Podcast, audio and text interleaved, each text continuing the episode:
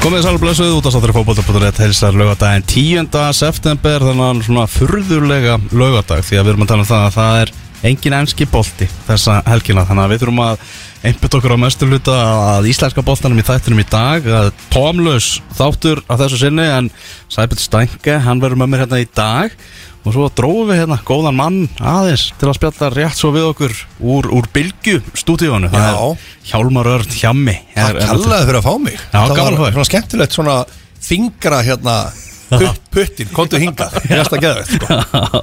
Menna þú ert náttúrulega maður drottningarinnar Já. eins og, eins og kom fram hjá Gísla Martini í jú. og ert náttúrulega maður elskar fótbolta setning Jú, þetta var svona Þetta voru blendna tilfinningar Já, á 15. fösta þegar ég frétta það síðan að þeir myndu fresta enska boltanum. Mm. Ég er persónulega bara ok Ég er svolítið þannig að stundu þarf maður að láta þessi leiðast. Mm bara til að verða sér nánaði síðan með að fá allt aftur sko. En persónulega hefði ég haldið boltanum. Já, ég svona, svona, ég held að vera raung ákvörðin í það. Ég, þetta breytar eru geggjari því í þessu kla, uppklappi, allu söngum og veist, það hefði verið alveg meiri átt að dæmi, sko. Já en þeir voru líka bara nánast þeir einu, ég held að Rúbbiði séð. Mm uh, er það ekki? Jú, Ég held að Stefán Pálsson hafi hvernig norðað þannig að það er eins og brænska úrvarsleitin hafi hlaupið apríl einhvern Já, veginn. var svona pínu panik eitthvað svona. Já, bara, já, já, frestum þessu já, öllu bara. já, það bara er það fínt að taka frí núna. Já. tökum bara frí, það var svolítið þannig sko. Já. en ég veit að horse racing er ekki í dag. Mm. þannig að og það var náttúrulega hennar íþrótt. Mhm. en það er á sundaginn Já, ok. Þannig að þetta er svona Þetta er skrítið. Já, og líka bara hefði þetta geti verið hefði geta bara haft umferðin á sunnundi Já, Ég veit ekki hvort að það má kannski ekki liðraðis eitthvað sko.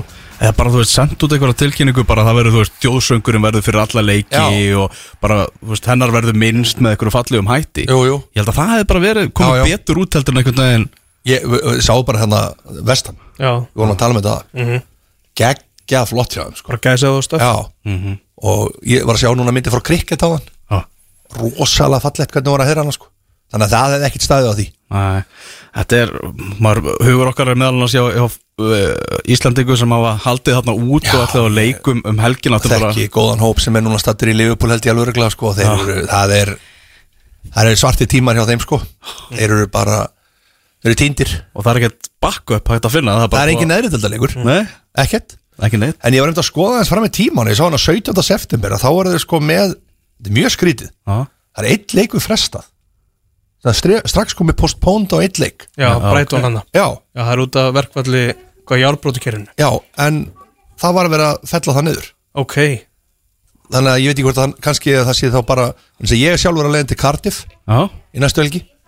Og ég var í vesinni en svo er ég að sjá það að það, og ég það hefði ekki komist til lest en það er búið að aflita þannig ég á að komast til lestina ah, ok. Þannig ég held að þetta svona já, já, þetta er væntalega væntalega verður umferð næstu helgi. Við verðum að halda í vonuna sko. Áttaldalega stórleikur í dag, Manchester City Tottenham, Já. þínu menn. Heldur betur. Hvernig finnst þeir, fara stað? mér finnst það fara bara frábæla stað, ég hef aldrei séð tóttina svona áður sko. Þetta er svo miklu grænd sigrar eða grænd jættefli þú veist þetta er svona þeir, eru að þrauka þetta sem er bara, hefur ekki gerst. Svona konti handbragð. Já, og, og ég var um daginn, þá var ég að skemmta og hérna kom út í bíl Nottingham Forest eða maður rétt. Og það var eiginlega bara dangerous attacks hjá hérna, Nottingham Forest voru bara stanslös maður sér þetta oft svolítið svona þegar maður sér þetta að skrifa upp blaði. Mm. Já. Tottenham var bara nánast ekki með neitt. Já, svo fórum maður að horfa á leikin þá sér maður bara hvernig hann er að gera þetta. Hann er bara að liggja tilbaka. Þú veist, það er náttúrulega ekki eitthvað lendamál, ég er ekki að koma með eitthvað rosalega hérna, nei, en ég bara að segja, maður sér þetta svo mikið svart og hvítu. Þetta er bara, en þetta er á þetta. Já, já, þetta er alveg rosalega á þetta. Mm -hmm. en þess að þú fær síðan eitt mark á þig og, og hvað, þú þarfst að svissa þá algjörlega um kerfi, sko, en hann er snillingur konti, já. Hann er snillingur sko. heldur betur sko. Hann er einstakur, það er, það er bara þannig. Var ekki hérna svona Svona besti, besta stíð til þessa? Var það ekki mútið Chelsea? Jú, það var bara algjörlega, sko. Það var alveg fárálega vel gert. En þar var á móti, voru menn bara jæja, þú veist hvernig er þetta, var bara 3-4-0 en þegar hann fór inn 1-0 í hálfleik ég sagði, setti þetta á Twitter, ég sagði reyndar myndi vinna 2-1 en að fótt 2 en ég sagði bara, maðurinn er snillingur í setni hálfleikum og mér finnst liðið vera svolítið oft lélegt í fyrir hálfleik en betri setni við náðum því í gang, báðir hálfleikar 70-80, árið góðum ára Já. Það er eina spurninga en alvar Já. Einu viðbútt það? Hjálm Mínsson, hvað er að gerast? Sko ég, ég, svona, ég fór alltaf að hugsa hvort hann sé ofhugsa þetta bara. Ah. hvort það sé komin langt í hausnum eitthvað. Það var eitthvað svona pínlítið að pikka í hann eitthvað, það var að vera orðan pínlítið svona hér og þar. Hvort hann hefði aðeins farið inn í tímanbili smá svona eitthvað ringlaður. Ég, ég fór að sé andlegt Mhm. sem maður er náttúrulega, hann glatar ekki tæfileikjanum að skora mörg og brjótu varnir eitthvað á, á tveim mánuðum sko. En hann er mikil tilfinning að vera hann er tilfinning að vera, maður sér það á lágunum sko. Mhm. og hvort það sé eitthvað engalífunni sem er að trubla hann eða eitthvað, sko, maður veit það ekki Mhm. en uh, ég hef engar áhyggjur á hann og fyrir ykkur fantasi spila núti bara ekki losa ekki losa Já. hann það er einu Frekar það er kaupa. brjálaði minni nóvember En allra síðasta spurningi sem Já. er ekki þessu tegnt heldur bara út af vasti á Gíslamartinni í gær sko. Já, já. Ég hef alltaf ímyndað með það svona þegar Gíslamartins þáttunum er lokið já, og svona síðasta lagi búið og eitthvað og þá byrja ég bara partí. Það sé bara allir, þeir, allir gestirnir og tónlistamennir Já. bara sko fara í svæsið partí það er svo, svo sannarlega í bóði hjá Gísla. Og hann er alveg geggjaður gestgjafi sko. ég vil bara segja að hann var náttúrulega fullur ískapur á Já.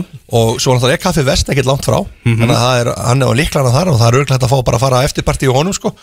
Þannig að þetta er, ég, ég get alveg sagt þér ef ég hefði getað það, Já. þá hefði ég getað verið lengur og, og, og fengið mér einn eða tvo með þeim sko. Já. þetta er, en það pælið einu þú veist, þeir eru fastir hérna eitthvað laugatum besti tími, 12 háti allir, þeir eru löngu vagnari að fá okkur í gæra og eitthvað Mhm. hann er öll veist, nema sömurinn náttúrulega Já. með þetta slott Já. Þú veist, þá að fái sér aðeins eftir þátt gefa honum það sko. Já, algjörlega. Það er alveg er fullu skilning Já, á því, sko. algjörlega og svo er hann vaknaður útvarpirindar á lögutum Já, með kaffið á, á rástöðu já, já. þannig að hann er hann er einn af þeim hardest working hann úti. Já, þetta er, Úr breiðoltinu hann er á breiðaltinu já, já, það besta hverfi það er næst besta eftir árbæ. Það er önnur segja Það er Já, já, sér já. Erum að með bara takk hjá fyrir, að- fyrir að líta hérna við til okkar. Já, takk fyrir að fá mig og við bara höldum í vonna enski næstu helgi sögum við. Mm, Já, klála upp með sokkana. Já, Algjörlega. Erum í þessu þætti sæfið þá ætlum við að gera ímislegt Við ætlum að tala meira um ennska á eftir. Stefán Martin Chelsea maður, hann verður hérna á línunni hjá okkur. Við ætlum að ræða eins og um stjóraskiptin. Við ætlum að tala um það að Thomas Tuchel átt Todd Bowley, hann bara trilltist þarna í Zagreb. Inn er komin Graham Potter.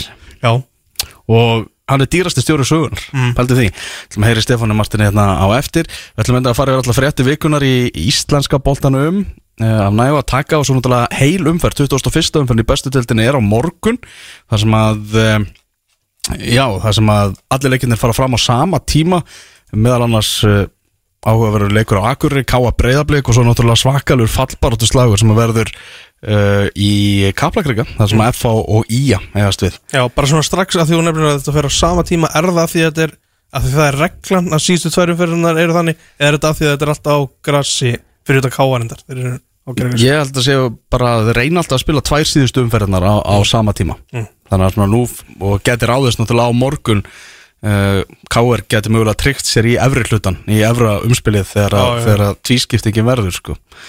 Þannig að þetta verður allt saman mjög fróðlegt en hér rétt á eftir þá ætlum við að opinbera lið ársins í lengjudeildinni Ú. Er þetta var fyrir ofan heiminin segn hérna á ferðinni en við ætlum næst að fara að vinda okkur yfir í lengjudeild kalla. Það er enda tvær umfyrir eftir af deildinni, næst síðasta umfyrin fyrir fram í dag og eh, já, við getum nú nánast bara fullir það að byggarinn muni fara á loft í árbænum þar sem að fylgir mætir þrótti vógum Mm. þar sem að já bara fylgir þarf sigur og þá eru þeir algjörlega öryggi með þetta og byggarinn fyrir á loft. Ef þetta fyrir jafntefli þá er markatalan það mikil uh, en ég ja, byggarinn fyrir samt ekki á loft þetta þarf að vera 100% staðfest og allt það. Mhm, Ég var að hafa sambandi á overtöluna og sagði að það veri akkurat 99% líkur að byggja að fara í Já, loft við bara fyllum það. Fylkismenn eru, eru að fara að vinna þessa lengjutelt í dag. Og sko þetta er hamingi með það. Það er, eh, hátíð, eru hátíðarhöld í lautinni. Og uh, bílasýning og það er kandiflós það eru hambúrgarar og vippivandalopið þar er hægt að fá kaldað drikki og uh, hvet bara alla sem að fyrst að einski boltin er ekki í gangi. Þá er bara um að gera að fara í partí í árbænum og uh, fylkismenn bara að þessu komnir. Það að er vera- engin missa af kandiflossin heldur. Nei. Kann- Það er skemmtilegt sko. Þeir voru líka með þetta þegar þeir tryggðu sér upp. Það voru líka með eitthvað kandiflossvel sem að veit ekki hvort þessu bara búin að kaupa hana sko. Það verður skemmtilegt. Það hafa bara alltaf kandifloss í árbanum á næsta tímafili. Þarna hákaðingar sem að fylgja þeim upp og þróttur vogum og káfaf sem að fara niður Þetta er ekki flókið Þetta eru liðin sem að Já, liðin sem fara upp eru liðin sem að fjallu í fyrra og liðin sem fara niður aftur eru liðin sem að koma upp úr annar deildinni. Já, Þetta er svona, hefði verið skemmtilega að hafa, hafa spennu í þessu? Jú, jú, þetta var ekki mikil spenna. Nei, Þetta var eitthvað smá spurning kannski þegar voru eitthvað 7-8 leikir eftir og þú veist, þetta, þetta lið þurfti að vinna hitt þess að út í spennu en það gerðist aldrei. Nei, það var það ekki, það var það ekki. En á hverju ári frá sko 2003 hefur fótbolta.net staðið fyrir vali á liði ásins í fyrstu deild kalla sem er leikjudeildin í dag. Og uh, þetta hefur verið skemmtilegt uh, í öllum tilfellum hefur um að vera að ræða val hjá þjálfurum og fyrirliðum. Ákveðum að breyta eins út af vanunum núna þess, að þessu sinni þar sem við erum nú að manna alla leiki deildarna nánast og erum með alls í marga uh, fréttamenn sem er að fylgjast með þessu yfir allt sumarið. Þannig að nú er þetta bara valið af fréttamönnum fótbolta.net og einnig sérfræðingum, okkar sérfræðingum um deildarna Já, og eins og ég segi, þetta er búið að festa sér rækilega í sessi, veistu hver var fyrsti leikmaðurinn sem var leikmaður ásins 2003 2003 við erum fyrir norðan. Ég erum fyrir norðan. Ah. Ég er ekki með það sko. Það er Jói Þórhals. Já. Jóhann Þórhalsson Þósarinn norðanmaðurinn. Já. en Milan Stefán Jankovic Janko, hann var fyrstu til að vera þjálfari ásins 2003 og sko efnilegasti leikmaðurinn, hann var fyrst valinn 2005, hann var ekki fyrstu tvö ári Já, og efnilegasti leikmaðurinn 2005 Rúri Gíslason, Háká.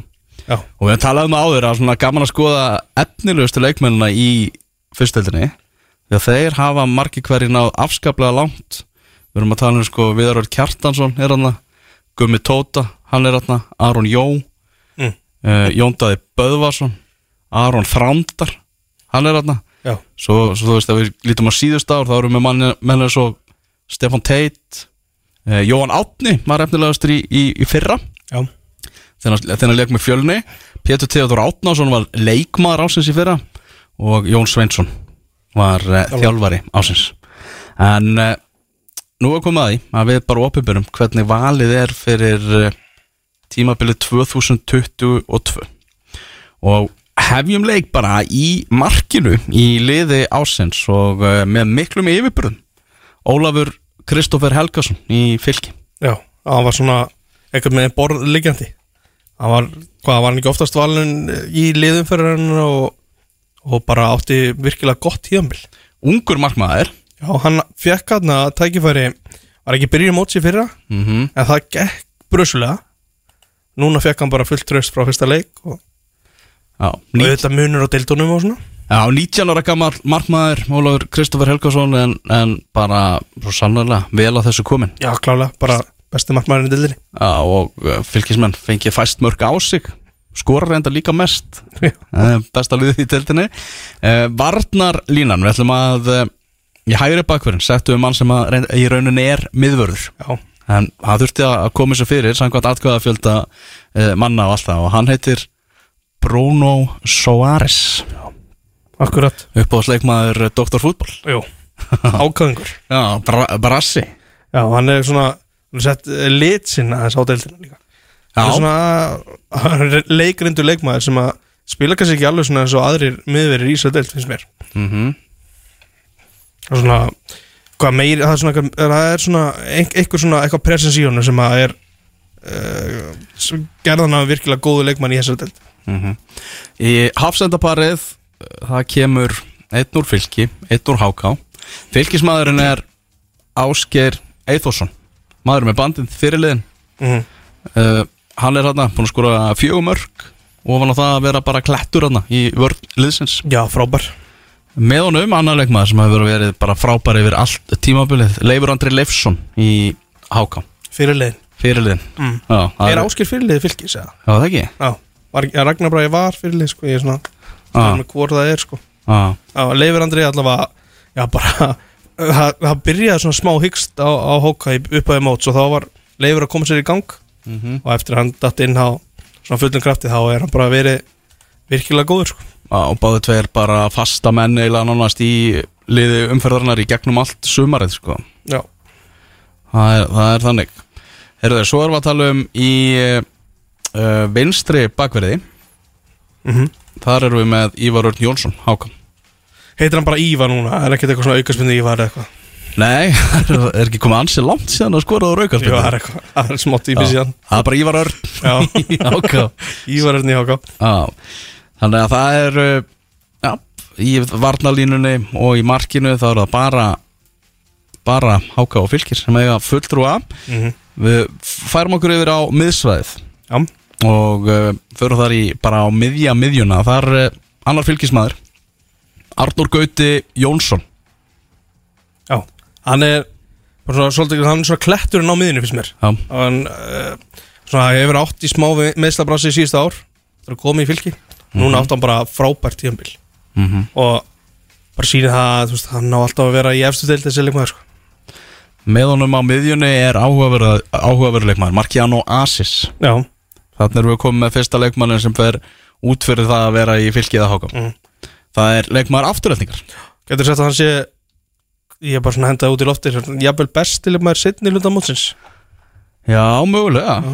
Hann er alltaf sá leikmaður sem hefur vakið hvað mest á svona umtal og eftirtækt og maður er nú aðeins síðan og hann er virkilega, virkilega góður í, í fótbolta Belgi Já, sem að hefur spilað þetta fyrir 17 landslið Belgíu.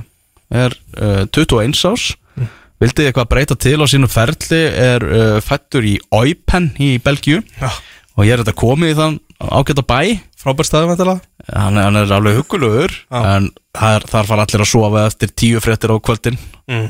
það er hann að lítið að frétta í, í Eupen það er meira fjör í, í Mósesmænum þannig að þú ert, ert með lágan og, og hans konar stuð en þetta er leikmaður sem er hörku, hörku góður í fótbolta og algjör gullmóli sem að makki náðu þarna að ná í sko. Getur maður sé eitthvað liðið í efstu deild reyna við hann í, í vetur? Spurning, hann er á láni. Hann er á láni, hann er á láni hjá afturöldingu en hins vegar segir hérna að já, þú veist, maður veit ekki hversu hvort að samningurinn að sé að renna út eða hvað það er, Mm. en ég held að sé alveg bókamála einhver liði í afturöld eru búin að skoða það, hvað, hvað þessi gaur er að fara að gera næsta tímabili. Já, held ég. Já, það er skemmtilegu leikmaður. Svo ætlum við að vinda okkur yfir í eh, kantmennina. Þar eru tveir ungir menn. Ungir og, og virkilega öflugi leikmenn. Virkilega. Uh, Byrjum á Lukasi Loga heimisinni Já, Í Fjölni. Stór skemmtilegur leikmaður Akkur þetta var, í, var á Ítali í vetur Ég held að hann hafi á Empoli Ég held að sé ekki að með mismir ekki mm Og hann bara Hann kom inn Það voru, einhverju leikir svona búnir á mótinu minni mig Þegar hann kemur inn og bara búin að vera frábær síðan sko. Já, miklu uppáldi hjá stöðnismannu Já, Skiljanlega bara Hann virkilega leikin leikmaður og Já. gaman að horfa á hann sko. Kraftur í hann mm -hmm. Hinnum en kemur ekki óvart uh, Kjartan Kári Í hann Gróttu. Hann, eins og byrjaði mótið alveg fáralega vel, hefði ekki? Jú. Svona aðeins fjarað. Aðeins svona Mingaðan var Já. bara sko Byrjun hjá hann var líka bara Nánast yfirnáttúrulega Já, hann var sko. bara galinn í raun, sko. Já. Hann hefur bara virkilega, virkilega sprækur og kannski eh, ég var óöppin þegar ég gíkt á leik með honum. Um til Þór, þá fengur raukt spjald. Hann átti ekki sem besta dag. Já, þú mættir eiginlega gaggjast til, að- til, að- til að kíkja á hann sko. Já, eiginlega, sko, hann má eiginlega segja. Það Hann- það er svona, ég sá ekki alveg það sem að ég var vonast eftir, en hann er bara tíumbilans í heilt bara frábært. Hann er er- ekki næst markastur eða eitthvað?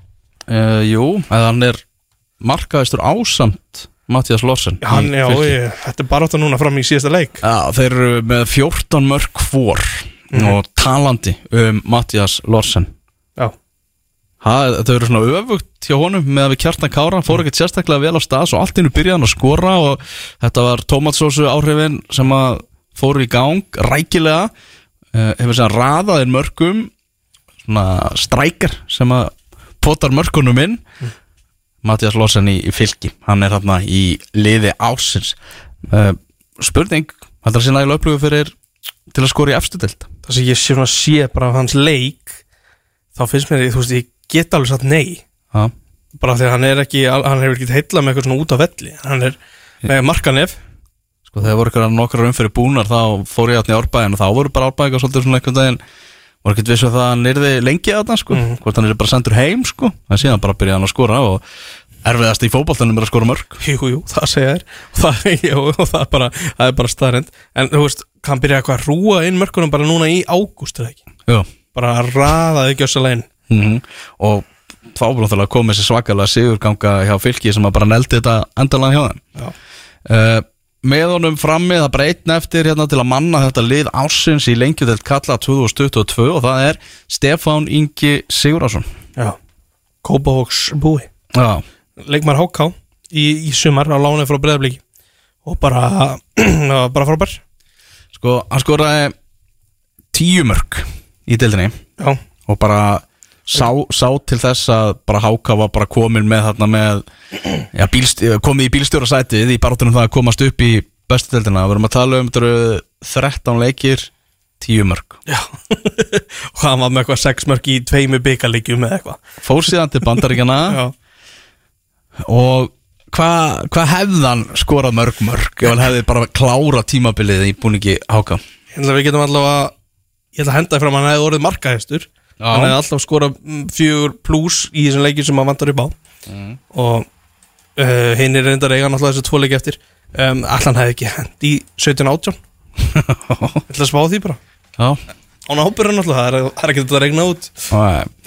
Já, þetta er Svona er það, svona er lið ásins í lengjadelt kalla, Ólafur Kristófer í fylki í markinu, Bruno Soares Ásker Eithórsson, Leifur Andri og Ívar Örn í vörninni, allt háka og fylkismenn, Arnur Gauti fylkismæður í, á miðjunni og satt markján og Asis í afturrætingu Kjartan Kári í gróttu, Lukas Lógi Heimisson í fjölni, Mattias Lorsen fylki og Stefán Ingi Sigurðarsson í háká, þannig að þetta skiptist þannig að það eru fjóri fylkismenn í liðinu, það eru fjórar hákáingar í liðinu og henni leikmennir sem að fylla upp í liði koma allt úr eh, koma allir úr liðunum sem eru í þreymur næstu sætum eins og staðan er núna eins og áður segir. Það var, það var eftir, er eftir tvær umferðir í, í þessari delt Já, ef það er eitthvað til sem heitir sangjöld skipting þá myndi ég segja þetta að vera það. Já, og kannski varnandi Stefáníka það er HK það- þeir myndi gera virkilega vel eða myndi ná honum yfir frá blikum í vetur. Hmm. ef hann verður á Íslandi þar að segja. Mm Varamenn Við erum með sjömanna bekk uh, Varamarkvörður í liðinu er Jón Ívan Rivine í grótu Tek, Hann- tekið við hann að Hákon er afni í, í fyrra mm og bara staðið sér virkilega vel. Annar grótumæður á bekknum Atti Bomba, Arnar Þór Helgason. Geggið típa sko, Já, svo stóri og stæðilegi hann svona einhvern veginn byrjaði líka virkilega vel. Eins og Gjertakári, aðeins svona dalað. Alli Arnarsson í Háká Hann er einnig á bekknum. Mm. Svo gæða miðjumæður Gonzalo Samorano í Selfossi er einnig á bekknum uh, Öflugur þegar selfisingar voru hérna í gýrnum í uppaðumót sem voru náttúrulega bara efstir eftir sex umferðir eða eitthvað. Núna eru þess komið á leiðin í tíundasæti deltarinnar wow þegar það verður, þú veist grind, grindavíkuleikurinn þess að við vorum með ólögulegan leikmann þá eftir að dæmi því. Já, og þá geta það farið niður í tíundasæti þannig að það er bara eitthvað ótrúlega rap sem við veitum er þetta, svona eitthvað flóki mál hérna með Grindavík Selfoss, er ekki hægt bara að negla það niður eða? Já, alltaf sé ekki svona, þú veist, félaginu leift að svara eða eitthvað. Þetta verður ekki gert núna bara í komandi viku. Mm uh, Tveir fylgismenn á bekknum. Benedikt Darius Garðarsson Já. sem er skemmtileg skemmtileg saga og frábær leikmaður búin að vera í bara að skora og leggja upp. Við erum að tala um 12 mörg og bara leiðilegt að að koma honum ekki fyrir sennilega bara í þessu, þessu úrvalslið. Hann bankaði rosalega fast á, á dyrnar. Já, þú segir að ég held að sé til þess á bekknum þá er hann sá leikmaður sem að gerði hvað sterkast tilkall í að vera í liðinu sko. Já, hann er fyrstur af bekk. Já, ég myndi segja það. Hann hérna, hvað kom, hann var hjá elliði fyrir held ég. Já. og lánið þar Mm og hann er bara sínt að hann getur heldur betur gert uh, góða hluti í, í, í, á þessu leveli. Já, bílabúðin, geggjaður. Þannig að þetta er svona eina svona sögunum af mönnum sem eru láta til sín taka í neðri deildunum og ná síðan að- gera eitthvað ofar. Mhm. Þórður Gunnar Hafþórsson í fylki hann er hérna einnig á bekknum. Uh, hafa voru tíðand á honum í morgun og var skrifandi nýjan sáning Já, við árbæðinga þeir voru að tilkynna það og afskaplega sprækur kantmaður. Já líf í honum á kantinum hann býr, býr mikið til og er mjög sínilegur í leikjónum Já, og bakverðinir þurfa að hafa rosalega mikið fyrir honum. Já, algjörlega Svo, fyrir þig Já, Alexander Már Þorláksson. Já ég Þórsari. Ég náði tróðanum á bekk Bara Alexander náða Nei, hann náði Já, algjörlega skilið, sko. Hann kom, í, kom hérna í, í lók júni og bara spil held ég fyrsta leikarna í lók júni þegar glugginn var opnaður. Kom frá fram og, og er bara ástæða fyrir því að Þór var aldrei í svona alvöru fallbartu eftir það sko. Mhm. það voru leikir hann held ég mútið KVF og þrótti vóðum sem að Þór vann í kringu þetta leiti og svona skildi, skildi okkar aðeins frá neðstu tveimur liðunum. Og bara Alexander, ég held hv- hvort það sé með sex mörg eða að Halli Villar Þósari, hann er líka leikmaður sem að gerir hana, tilkalli í þetta.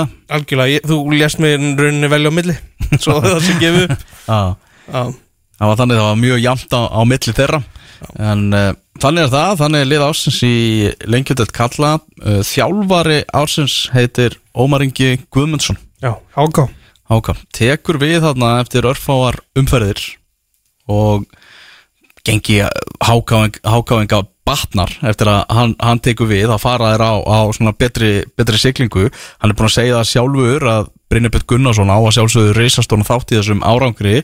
Stýriliðinu náttúrulega fyrir þetta og svona býr til þessa, þessa liðsheild og, og á undirbúinstímabilinu en Ómar Ingi, þessi ungi þjálfari síndi, síndi gríðalega fagmennsku og, og síndi bara hversu öflugur hann er og fróðulegt að sjá hann í bestu dildinni á næsta ári. Já, mér varst það líka bara svona tækla allt vel bara, þú veist, og góður í viðtölum og, og gaman á hann og ég er svona mjög spenntur að sjá hvernig þetta verður, hvort hann verður áfram. Já, þráttur hann sé sko uh, ungur árum, þá er hann samt með svakalega reynslu í þjálfun.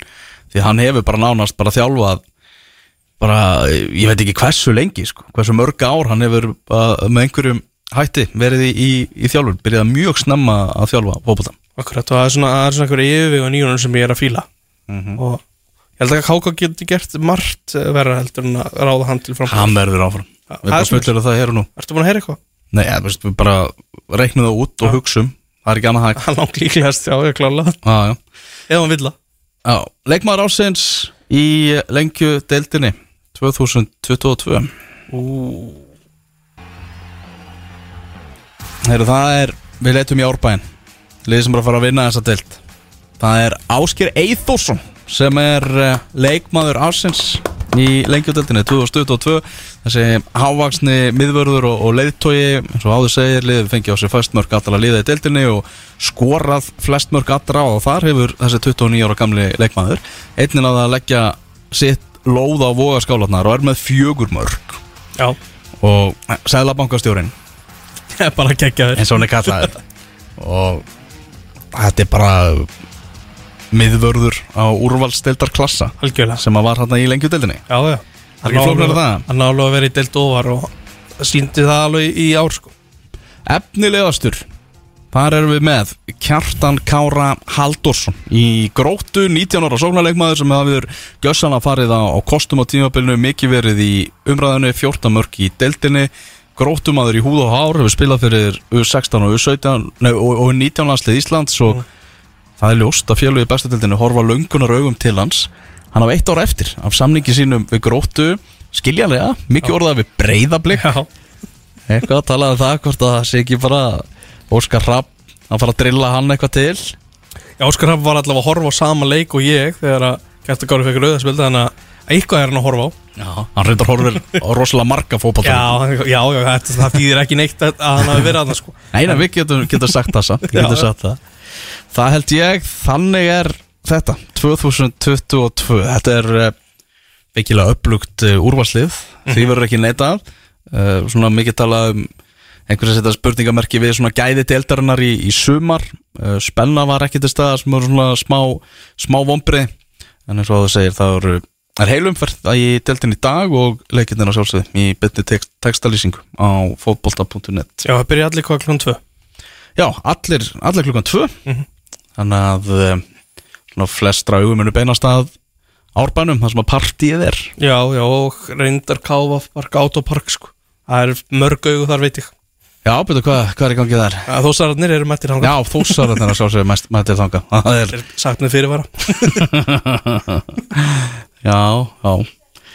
Heyrðu, hvað er að vinda okkur í næst? Veitu, ég er svona var, Ertu með eitthvað svona nöfn sem að svona voru nála þessu?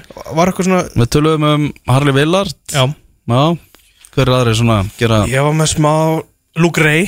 Luke Ray Já, Gróttu. Já, áttu gott í um bil mm Og Aron Elís Sæfurs já. Nikolai Madsen Já, í, hann var mjög nála þessu. í vestra. Mhm. mm Hann var bank bankað þarna á dyrnar. Það var samt ekki einhver annar hjá vestra Sem að kemur kannski pínu óvart. Já, ég menna vestur er í níunda seti Já, já. Það kemur ekki út óvart út frá því sko. Já.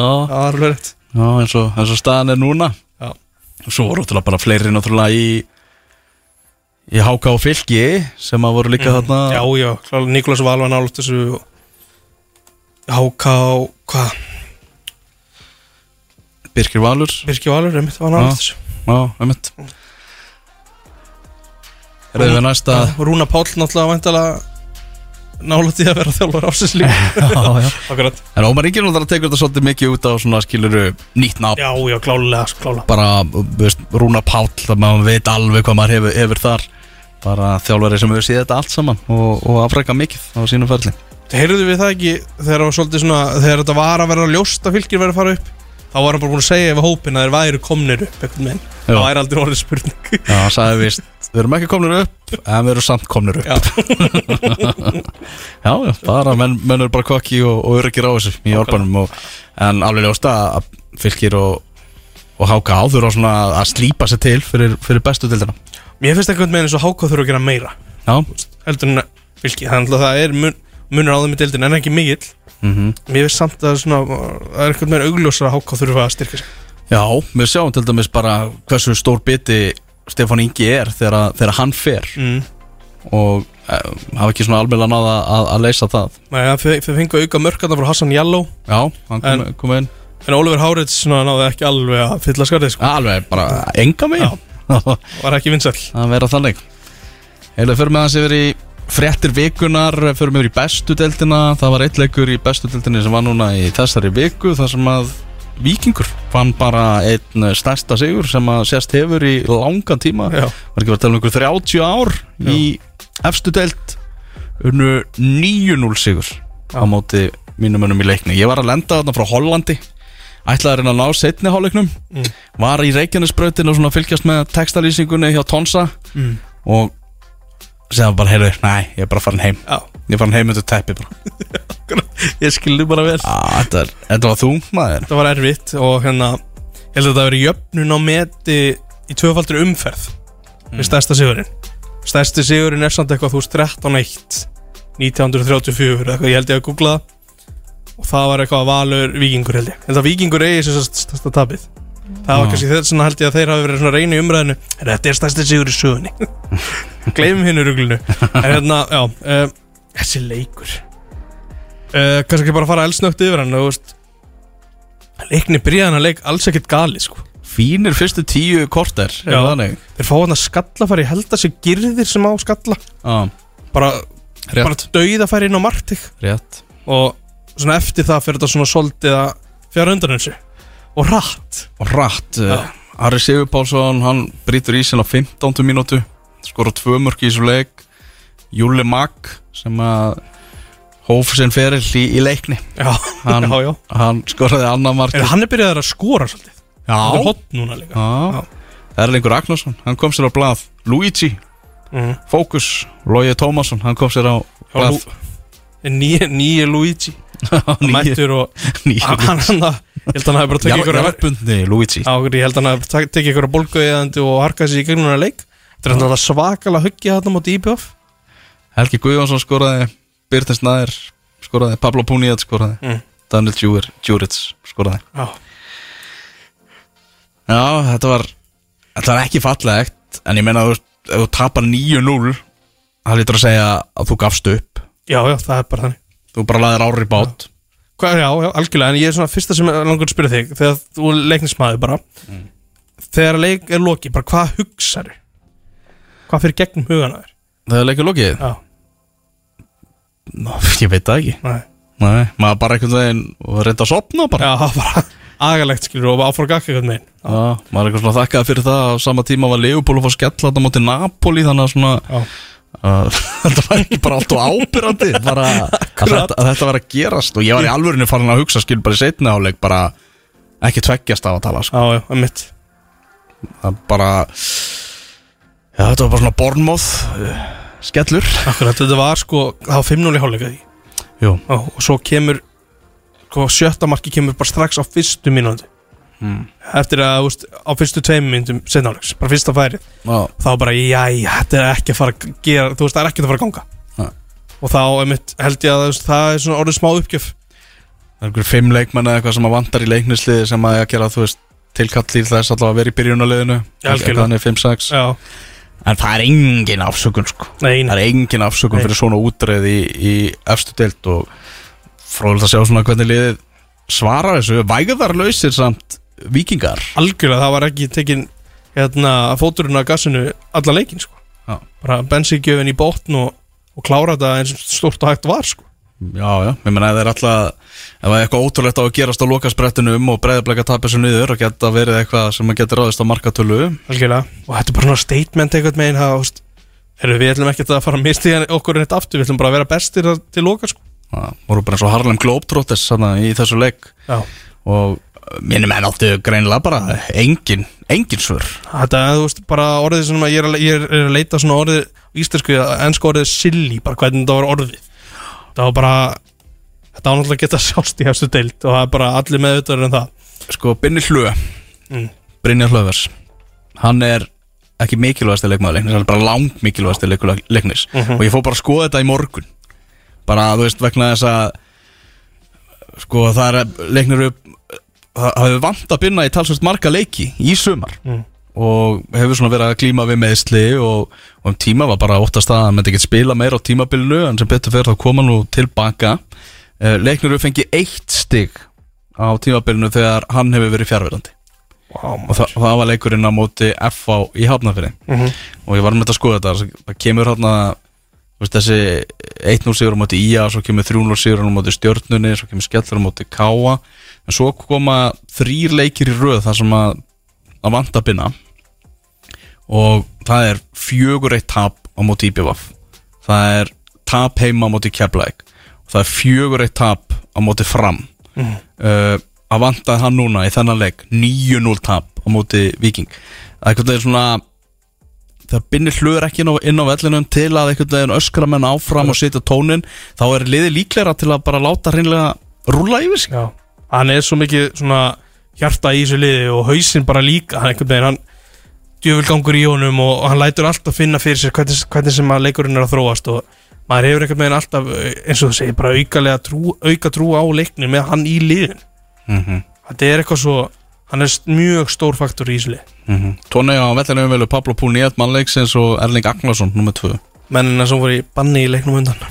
Já, komið feskir inn þarna. Já, það, það hefur ekki hjálpa leikni og ferska inn. Nei, og hjálpa heldur ekki leiknum sem frétt sem þú settir hann um inn á fyrir um daginn að hvað vikingur hefði ekki unnið heimaleiki hvernig langar til það það voru tvein mánuðir Já. Ég tek það bara á mig, ég er bara, þú veist, leiknismenn með alveg að tjúla þér út um mér. Já, þannig, þannig fór það og uh, þessi úslitt, hvað þýða þau? Þau að, já, markatalan já, já, vikingi bæt, bætist mikið en þetta er sem bara, þú veist, þetta er bara þrjústið sem að leiknir fara ekki, skilu, þú veist, þetta voru litla líkur á þeim, þannig að þetta er í rauninni bara spurning hvernig hausin á leiknismennu kemur út úr kemur út úr þú veist, stígin voru kannski, þú veist, það var mjög langsótt að vera stíg í bóðið þarna. Og þannig að ég, Siggi Hauskvöld fór svona svolítið óvæntan pól í viðtali. Já, og hann hefur já, Svona- hann fengið einhverja gaggrinni fyrir það, hef ég heyrt. Já, Ég hef heyrt eitthvað, menn ræða það bara fyrir það sjá, fyrir það sjá sig hann var ég bara að vera stoltur af hópnum liðinu. Ég held að bara komi ljós núna í, í næstu tveimur leikum val og, og svo lokaum fyrir henni ég man ekki hvern, leiknir á lokaum fyrir henni en hérna hvernig bara hópurinn svona tekur þessu frá, frá sigga? Að- eiga hvort það hefur rétt leið? Skagan á, á Akranesi. Er mitt. Þetta er svona þú veist þú getur farið bara í ímsa leiðir í svo og það er alveg spurning hvort þessi bara virki. Og það er enginn að búast við því að, að leikni væri að fara að taka eitthvað þarna Nei, á, heimavelli hamingjunar. Nei. En 9-0 var ekki alveg eitthvað sem að fólk sá heldur í, í kortunum sko. nei það var ekki ég held að það var fáið sem sá eitthvað mikið starra kannski 3-4-0 ah. Herru, það er uh, umferð á morgun eins og áður segir í lengjudeldinni, nei í bestudeldinni segir. Já, uh, Heil umferð, það er uh, 21. umferð deldarinnar Jöp. Við skulum aðeins bara skoða þessa leiki. Já, Það er stórleikur á Akureyri, á Greifavellinum þar sem að Káa og Breiðablик munu etja kappi. Já, Káa búið að missa nökva já. Það er högg Já, og tekur líka umræðan okkar um hvort það sé að fara að setja marka með sl og, og sláða eða jafna eða, Mm. eða hvað sem er. Getur ennþá hann marka kongur? Hann er ekki verið að sláta marka með Við reyndum að fá viðtal við hann í þættinum í dag. Já, Hann er náttúrulega farin í belgísku bjettildina Mhm. til uh, hvernig ber maður þetta fram, Bershot Berskott held ég bara. Berskott, Já, ég held að það sé bara K sko. Já, Berskott. Já, Já, komið til Berskott í Belgíu. Mhm.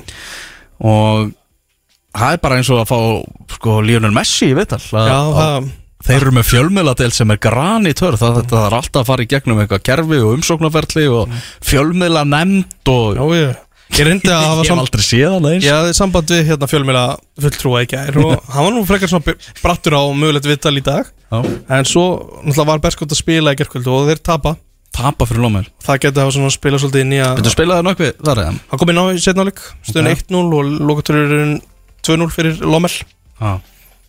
Já, í kjölfari sendi ég á hann eh, að því hann ætlaði að svara mér og kom með svona staðfestingu. Fekk ekkert svar og ég sendi áður en ég fór að sofa er eitthvað sens að fá hann í útásviðtal nei, það er ekki möguleiki um helgina. Sko þetta skoða eftir helgi. Fjö, fjö, Fjölmjöla kvilt á Berskottmenn um helgina. Já, Það ég- var ekkert, ekkert viðtal við, við nökkva En maður las það svona í þessu viðtal sem þú tókst að Arna Gretason núna í vikunni Svona milli lílana að hann er ekkert hoppandi kátur náttúrulega með að missa sinn besta leikmann núna fyrir baráttuna sem er framöðan Það sem eru að berjast um það að koma sér í Evrópum vel skiljanlegt, hann þarf náttúrulega líka ekki að sjá um að sjá um eitthvað með svona framtíð félagsins þannig þú veist, hvort það er að segja já eða nei við unga efnilega leikmenn þegar það kemur tilbúð Nei. hann er bara að hugsa um að ná áhengur með liðið.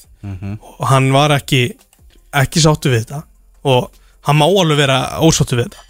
Hann, hann er bara að reyna á sem bestum áhengur og hann stefnan var klálega sett á annarsætið og þú veist, af því að toppsætið var raun og greipum og og annarsætið svona síðasta öruga Evropasætið með byggarinn í smá óvissun að fóra að mæta vikingi um, og líka bara nö, þú veist, nö, faktorinn í nökkva er að hann hann er bara þeirra mikilvægsti leikmaður. Hann gæði eins og skora flestu mörkin og erfiðast að skora mörkin við fórum yfir þetta á hann Já erfiðast í fótbolt að skora mörk. Mm -hmm. og ég get alveg ég skil Arnar bara fullkomlega sko.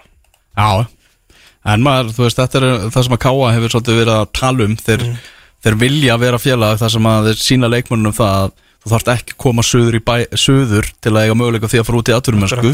Það er bara opið tækifæri fyrir það að fara út í mennskuna beint frá Káa mm, það er einmitt það sem að Sævar einmitt sagði við mig í viðtalunum sem ég tók und Einmitt. Það segir hann bara þessir ungi leikmenn sem hafa komið í K.A. síðustu árum það er bara búið að segja við og hérna hurðin er svo opinn þegar að þegar að hérna kalli kemur á utan mm ef það er bara rétt tilbúið berst og það þú veist þegar svona lok gluggans í Belgia þá getur alveg ímyndað mér að þeir hafi verið að borga fínan prís fyrir hann sko. -hmm.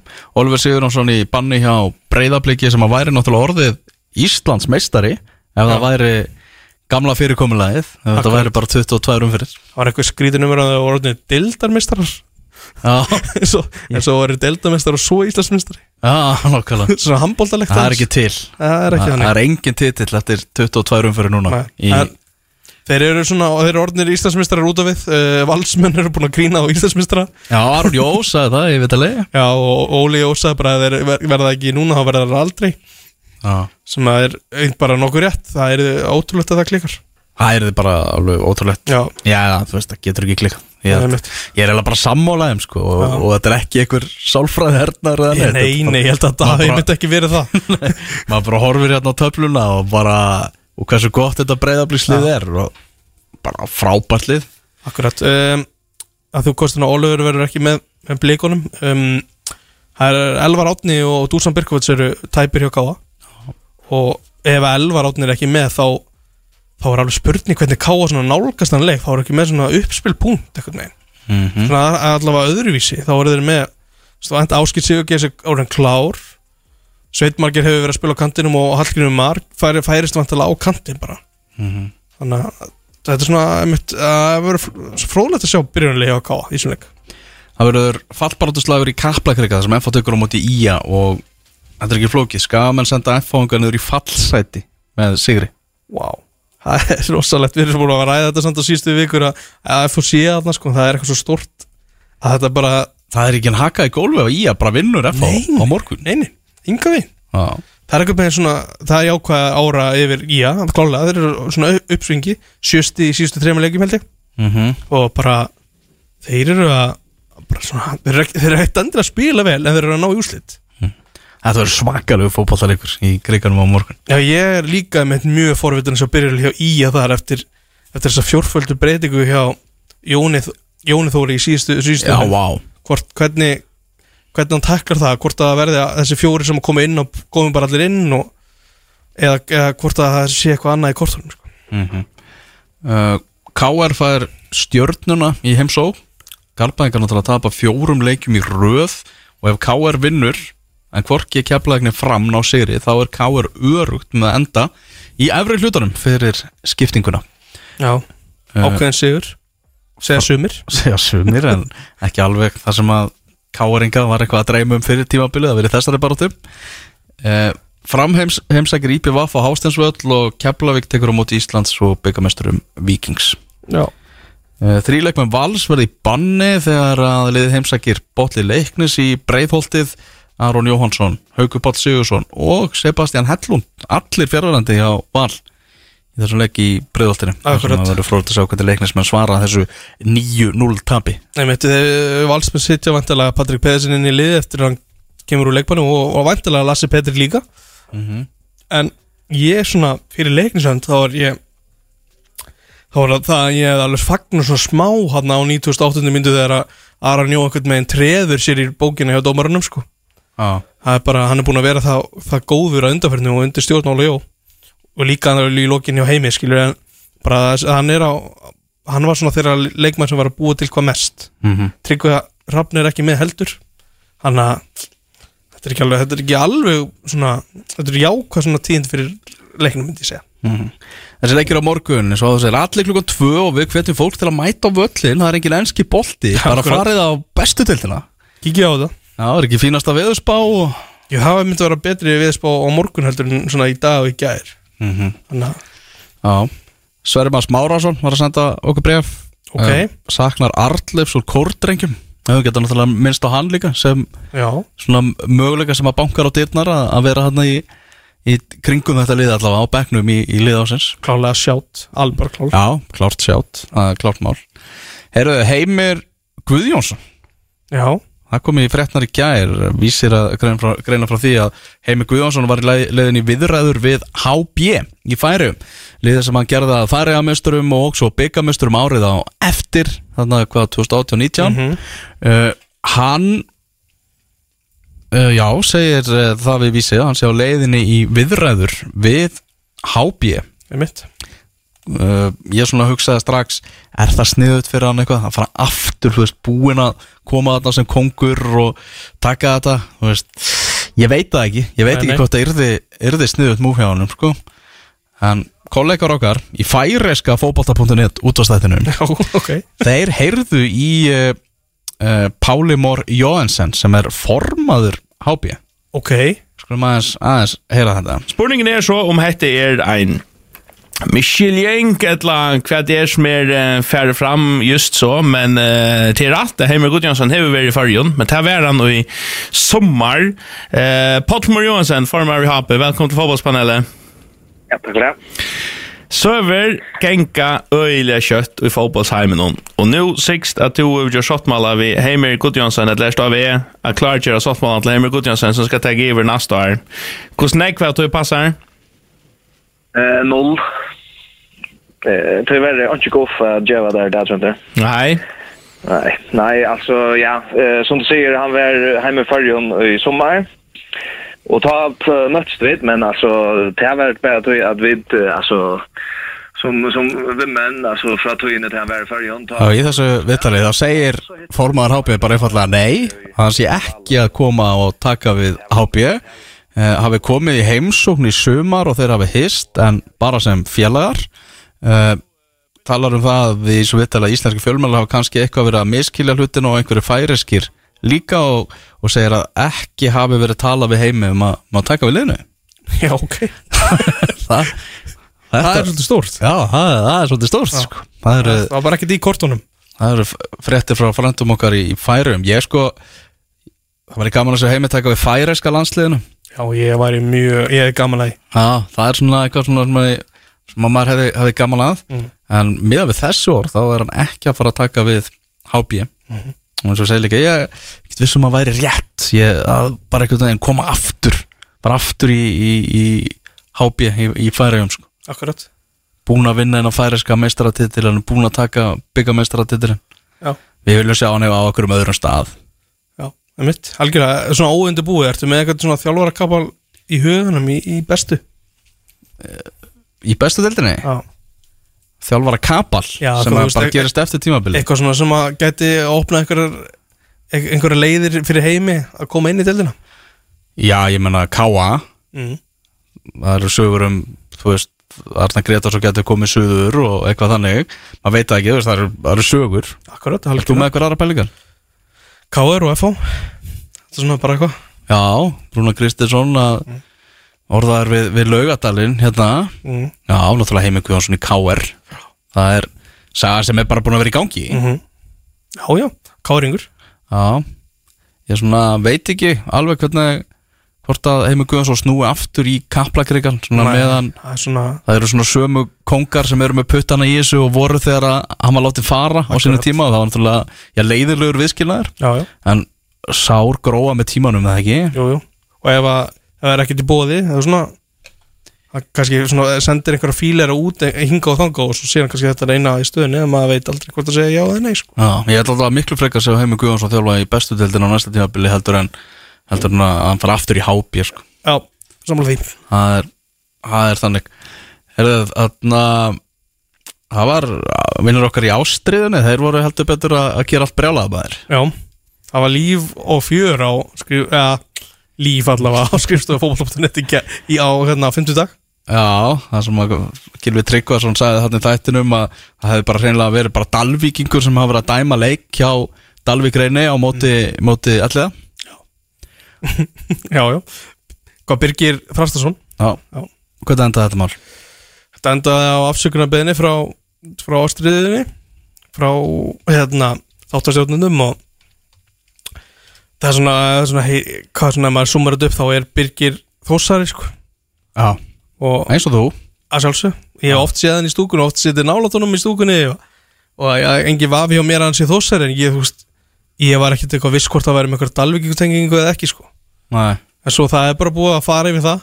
Mm ná, ná, hérna, nákvæmlega, ég held að pappan sé frá Dalvík eða ah. hann spilaði einhvern tímann einhverja einhverja 50 myndur fyrir Dalvík eða eitthvað svolítið Komið fullri vinningu, þetta er þriðja til deil já, já, Við erum á Íslandi, sko. Erum á Ísland, þetta er litla Ísland Og það er allir þekkja alla. Já. Þú veist, Sama hvaða fótballtaleg fólk fyrir á Það er alltaf einhverjir sem að þekkjast og, og, og, og tengjast á einhvern hátt, sko Við fórum þetta að hugsa, þú veist, eins og með Þórð Þorsteð Þórðarsson sem er núna að fljúu upp dómaralistan Mm. hjá KSI komin í, er að dæmi lengjudelt kalla í dag uh, svona ef hann bara þú veist verður, ef við segjum svo ef hann bara verður einn okkar besti dómari hann er búin að spila með FH hann er búin að spila með HK mm. hann er skagamæður Já.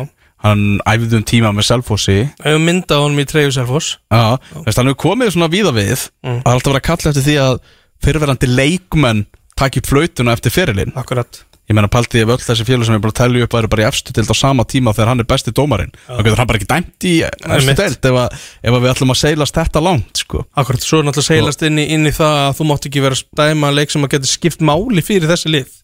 Stjá og það er bara að koma eitthvað svona Matrix Excel-kerfi sem að, sem að þarf það er það eru tengingar. Já, já. og auðvitað ef ég var í dómari þá var ég ekki að fara að dæma hjá leikni skilur Nei, nei, ég- já, bara að þú ert stuðnismæður liðsins og allir vita einhvern megin og saman hvort allir vita, ef þú ert það bara þá veistu þú átt ekki að dæma hjá liðin Já, já, það er Það ekki bara flókið en, gefins. en það eru alltaf einhverja tengingar sem, Ó, að, já, já. sem að má finna. Og ég tala nú ekki um þegar komið er niður í einhverja neðri deildir sko, Já. neð, neðstu, neðstu deildirnar sko. Var ekki einhver, reg- þú veist, voru ekki að tala líka um hérna þetta er mikið tvoleiki röð hjá einhverju lið Já, Já, ég veit ekki alveg hva- er það samt eitthvað klúður eða, ég veit það ekki alveg ég menna að það var sami dómar að dæma Holland, Ísland eh, í kvennalandsliðum núna og dæmdi fyrirleikin Já, þetta já, lögadalsvelli sko. Já, svona er það. Já. Já, ég veit ekki, ég hérna ég, Mér finnst það samt eitthvað pínu skrítið sko að sé, ef, ef hann dæmdi tvoleiki röð sko en ég alls ekki að setja neitt út á hann finnst bara skrítið niðuröðun sko. Sko Elias Ingi, hann var, spilaði með IPVAF mm. Hann var dæma á IPVAF í, í gær. Akkurat, já. Hann heldur ekkert með IPVAF Þetta er bara Já, má er fjórði dómar heldur með þess að IPVAF á morgun í Já, Men þetta er bara Ísland sko. já, já, já. Það var svona, já, það var umræða sem að það var hitt í kringum þetta. Já. Sem er, já, það er bara gott og vel. Mm -hmm. Herðu önnur deilt kalla Fyrst þú eru kominir í ástriðuna Já. aðeins. Það er partí núna í Njarðvík. Það er Njarðvík Höttur Huginn sem er að byrja klukkan 2 og ég var að fá mynd hérna frá yfirmanni fótboltamála hjá Njarðvík. Það er búið að setja upp partítjaldi, það er allt klárt byggarafending, byggar og loft Annar delta meistarar uh, Njarðvíkur að fara að fá byggarinn að þér Vel gert já, mikið gaman. Það er ennþá smá spenna, mögul, eða möguleikja smá spennu í fallbarátunni í annari til. Já, það er eitthvað smá glæta Sko, hvað erum við að tala um þar? Við erum að tala um að uh, KFA, sem er uh, Östfjarðar bandalagið, er hætti í tíundasæti með 19 stygg. Reynir Sandgerði með 14 í fallsæti og Magnus síðan eru þarna fallnir í 12. sæti með 11 stygg. Eða er það ekki, er ekki fallnir? Úðurfallnir Já, og þannig að þetta er spurning hvort að sko KFA á leikamóti Vikingi Ólásik í dag Já, og uh, Reynir Sandgerð er að fara að heimsækja fjallabræður í KF þannig að svo mætast þessi lið innbyrðis í lokaumferðin þannig að það er möguleiki á, möguleiki á spennu í fallbaráttunni í anlæðardild en annars er þetta náttúrulega þannig að Njarvík og Þróttur eru komnir uh, eru komin upp upp, um upp í, í lengjudildina að nýju. Jú, jú. Er ekki samt eitthvað pínu skrítið að það sé ein, einn leikur sem að hefst setna en inn í þessu? Og það er með leikur sem skiptir máli í fallbarátunni Jú, það getur með 15. KFA Ólusik byrjar hérna 75 myndum á eftir innum Jú, ég er alveg sammála því. Ég set, set smá spurningar Erum við förum aðeins yfir í Kvenna landslið Áfram Ísland. Ísland tapaði í Hollandi Hérna í uppbótar tíma Og ég fór þangað til útrækt í, í Hollandi. Uh, Afskaplega sárt Mm. En reynlega ótrúlegt og Bara kraftaverk að við höfum verið bara á lífi í þessu einvíi þegar komað uppbótar tímanum eins og Gummi tók vel saman í, í, í pisli og í, í gær. Já, ég hveti allar þess að skoðanapistil virkilega velskrifaðar og góð, góður svona tölfræði mólar í honum. Já, bara allt hefur verið eðlilegt þá hefur bara Holland að vera búið að gera algjörlega út um hennar leik og það töluðu nú um það bara ég tók hérna viðtal við Glótis eftir leik og hún sagði bara, bara arvaslakar í fyrir hálfleik og, og heldum svona Hollandi betur í skefjum í þeim setni Já, þetta var svona, Selma Sól með góða innkomu og svona kom meira jafnvægi eitthvað í liða það var svona mér fannst svona síðustu, það var, það var svona aukalega ekstra svekkjandi að síðustu kannski tíu myndir í venjulega leiktíma, þá var ekkert að gerast. Mm. en þangað til var búið að lifa á líginni, bara algjörlega fannst mér. En svo kemur hérna í þessum uppáttíma, kemur auðvitað þetta mark sem var fullkóla sangjan en það sem var, fannst mér mest svekkjandi var, voru þessar mínútur undan það sem var bara alltaf fjara út sko. Já, það, svona, það svona voru mín helst svekkelsi varandi þessi úrslit en spilamennskan í leiknum var hjá íslenska leiknum var bara ekki ekki góð. Við erum að fara að mæta Portugal eða Belgju í bara stakur leikur á útivelli. Það var dreigð í gær í þetta umspil og þar erum við að fara að mæta Portugal eða Belgju í eh, einum leik líklega þessi Belgia en það er uppgangur í kvennaboltarum í Portugal og það er alveg ágætti skriði. Eh, eitt leikur gerum jafntöflu í Belgíu 1-1 á EM í sumar. Útivöllur eitt leikur um HM sæti sem við þurfum að klára í framleikingu eða ekki? Já, já, venlegu leiktíma eða framleikingu akkurat. ef, ef við myndum vinna í vítaspildukeppni þá erum við að fara í eitthvað uh, annað umspil sem framfyrir Nýja Sjálandi eða Ástralju og nema einhver annað einvi endi líka í vítaspildu keppni þetta er eitthvað, þetta er fáralegt fyrirkomulag, alveg fáralegt og, en velkomin í handbóltan Já, Gummi tók það saman Þetta var svona erfiðasti mögulegi leikur sem við gáttum fengið. Var þessi stakki útileikur fengum að fáum ekki heimaleik og mætum annarkvært Portugal eða Belgíu. Svo kemur Bjarni Helga með pistil í morgun, í morgunblæðinu segir einfallega að Ísland er í dauðafæri á að komast á HM og segir á mínum mati erum við bara með betra lið en Portugal og við erum með betra lið heldur en Belgíu þannig að nú er bara dauðafæri að komast á HM en til þess þá þarf ímestlegt að lagast í spilamennsku liðsins. algjörlega, það er með þessu kom inn á. Spilamennska var bara vond á móti Hollandi. Við þurfum að halda boltanum betur. Við þurfum að þóra já, að halda boltanum betur. Við þurfum að nýta föstu leikatriðin betur. Já algjörlega. Það, það hefur ekkert komið úr þeim bara núna. Nei. og þrátt fyrir að við höfum bara fengið þetta marka okkur hann í uppbótatíma þá var varnarleikurinn alls ekki sannfarandi og í þessu leikamóti Hollandi. Og hreinsanirnar, vorum við trekk í trekk að hreinsa boltan mó- á mótari já, bara beint í lappir og næsta sók bara í gang sko. Þetta var svona Við þurfum að spila miklu betur. Alveg, alveg og svona, svona, svona pressa liðsins í heild Já. eftir þess að svona reynsari það var ekki að, það var ekki að stoppa neitt. Það kom bara önnubilgja um leið. Mhm. og eins og segir við vorum að verjast á, á mörgum leikmönnum reynsa illa og í rauninni að varnarleikurinn sérst veist, inn í teik var bara ekkert góður heldur. Það var bara mikið til bara heppni og náttúrulega frábær framistæði hjá söndru. Það var, það var náttúrulega ótrúlegt að það var ekki komið mark fyrir nýju uppátíma Mhm. bara ótrúlegt. Það er bara magnað, bara magnað. En háum draumurinn lifir ég, ég er alveg sammála bjarna að við erum betri við, við erum spilum mútið Belgi og vorum betra liðið. En þú veist, framist að þar var samt ekki hún var engin hátíð. Heldur betur ekki. Nei, við vorum minna með boltan og vorum ekkert að skapa okkur eitthvað fáralega en var svona tilfinningir af vellum og við vorum betra lið. Mhm. og þú veist, það var á hlutlösu velli þetta verður útivelli ef það verður Belgia sko. og líka útivelli ef það verður Portugal. Fróðilegt að sjá. Við skulum halda áfram með þáttinn Ég er rétt og eftir. Þá ætlum við að fara til útlanda. Þráttur að segja ekkert spila í ennska boltanum ætlum að ræða eins um ennska boltan Stjóraskiptin á Chelsea ætlum að heyra í honum Stefáni Martini sem er stöðningsmaður og sérfræðingur í, í Chelsea málum og ætlum að skoða eins þessa Evrópuleiki sem að framfóru í vikunni.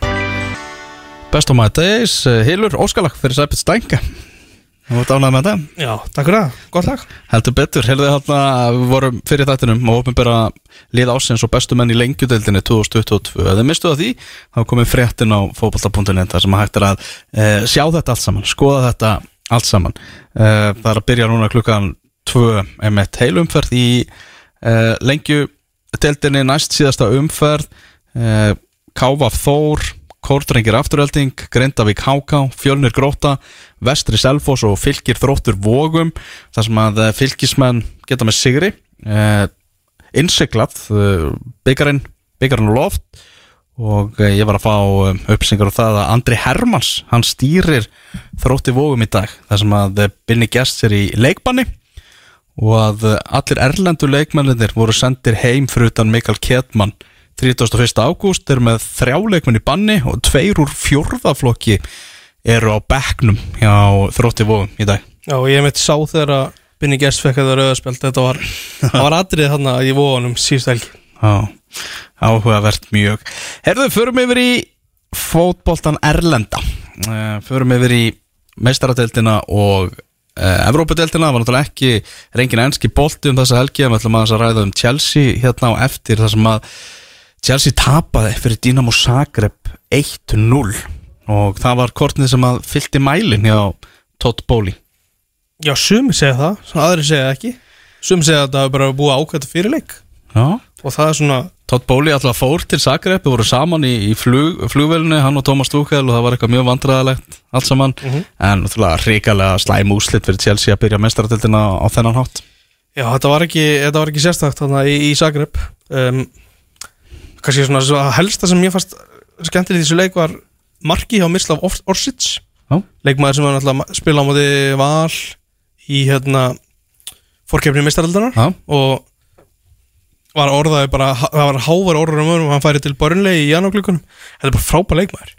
Það er einhvern veginn smá syndan sé ekki að spila á ennþá herra lefli þetta er svona og þetta, hvernig, hvernig hann lék sér að Vesli fóð hana í þessu marki er náttúrulega bara er fárálegt sko. já Uh, sama kvöld, það var hann Borussia Dortmund 300 sigur á móti FCK já, ég var með augun svolítið á þenn leik. Skiljanlega, já, Ísak Bergmann og Hákon Arnar á, bekknum. Hákon Arnar kemur inn á þegar klukkutími liðin Mhm.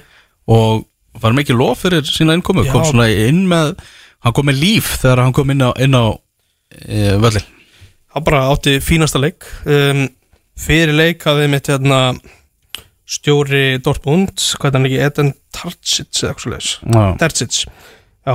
Uh, hann, hann kom inn á mitt bæði Ísak og, og, og Hákon á fréttamann fundi fyrir leik þannig að meðvitaður um svona hvaða leikmenn er hann að mæta. Og, og Hákon kom með, með góðu krafti mér svona Cornelius frammi og þessi hvað átti ekki engan drauma dag sko. En, en það var einhvern veginn svolítið heimin og hafa á milli þessar liða sem að kannski, þú veist, kemur kannski ekki öllum ávart en það er alveg gaman ef að FCK verða aðeins nær Dortmund sko. Heimin og hafmiðli liða Manchester City vinnur 4-0 sigur á móti Sevilla í samariðli Já, þar sem að Já, þetta var bara algjör gönguferð í garðinum og Erling Haaland með, með tvö mörg og Sevilla hugsa um að fara að skipta um þjálfara sko. það gengur ekkert hjá Sevilla. Nei. bara upp á þeim átt, bara ekki neitt. Húlen Lopetegui sem að er hérna vantilega að fara að missa bara starfið. Já, ég hef svona hjósóldi eftir því að í stöðunni 1-0 í hálfleik þá tekur hann Tómas Delaney og Ívan Rakitic á velli. Hvað, hvað er hann að gera sko? Ég er veist, eðlilega er maður ekki að fylgjast með æfingunum en bara prófilli sem Rakitic er og svona bara þetta kemur mjög óvart PSG 2, Juventus 1 það var það reysa leikur sem að þarna fóð fram. Já, Mbappe og Neymar voru á eldi Já, Mbappe með, með tvö mörg og Neymar lagði upp að, að fyrra. Já, Neymar bara svona taktar í honum sko, það er svona mm ef hann bara heldur út einmitt, það er alltaf þetta ef og hefði og verður hann heill þegar að gjöð hverði hátíðin er hann og eitthvað svona þetta og eru dæmi, sko. Mbappe og Neymar eru þeir vinir? Já, einmitt, það er mjög vinsalt umræðafni Já. eru þeir vinir? ég hef ekki að segja já sko inn á vellirum, vinnir, hutavallar Ah. Það er eitthvað svona, það er eitthvað svona líkt að því sko. Alltaf svona fransku slúðublöðin þau eru mikið að fjallum þessa, þessa tvo menn. Einmitt. Og bara, þú veist, hvað er ekki Mbappe og Holland er ennþá svona, svona þessar stjörnur sem er að koma upp ennþá einhvern veginn, er orðan alltaf stjörnur en er svona framtíðin líka.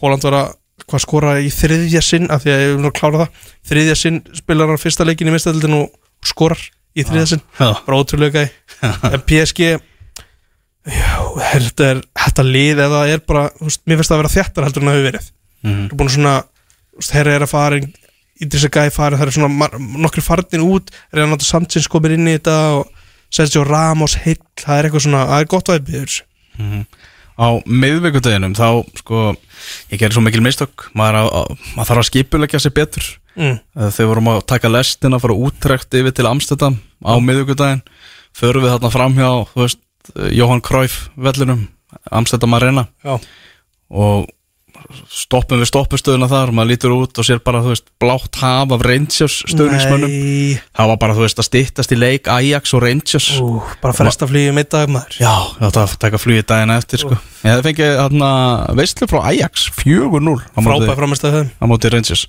Og þeir, þeir eru náttúrulega í þessum aðriðli mestaratildarinnar með Napoli og Liverpool. Já. og þar gerði Napoli sér lítið fyrir og vann fjögur eitt sigur á móti Liverpool.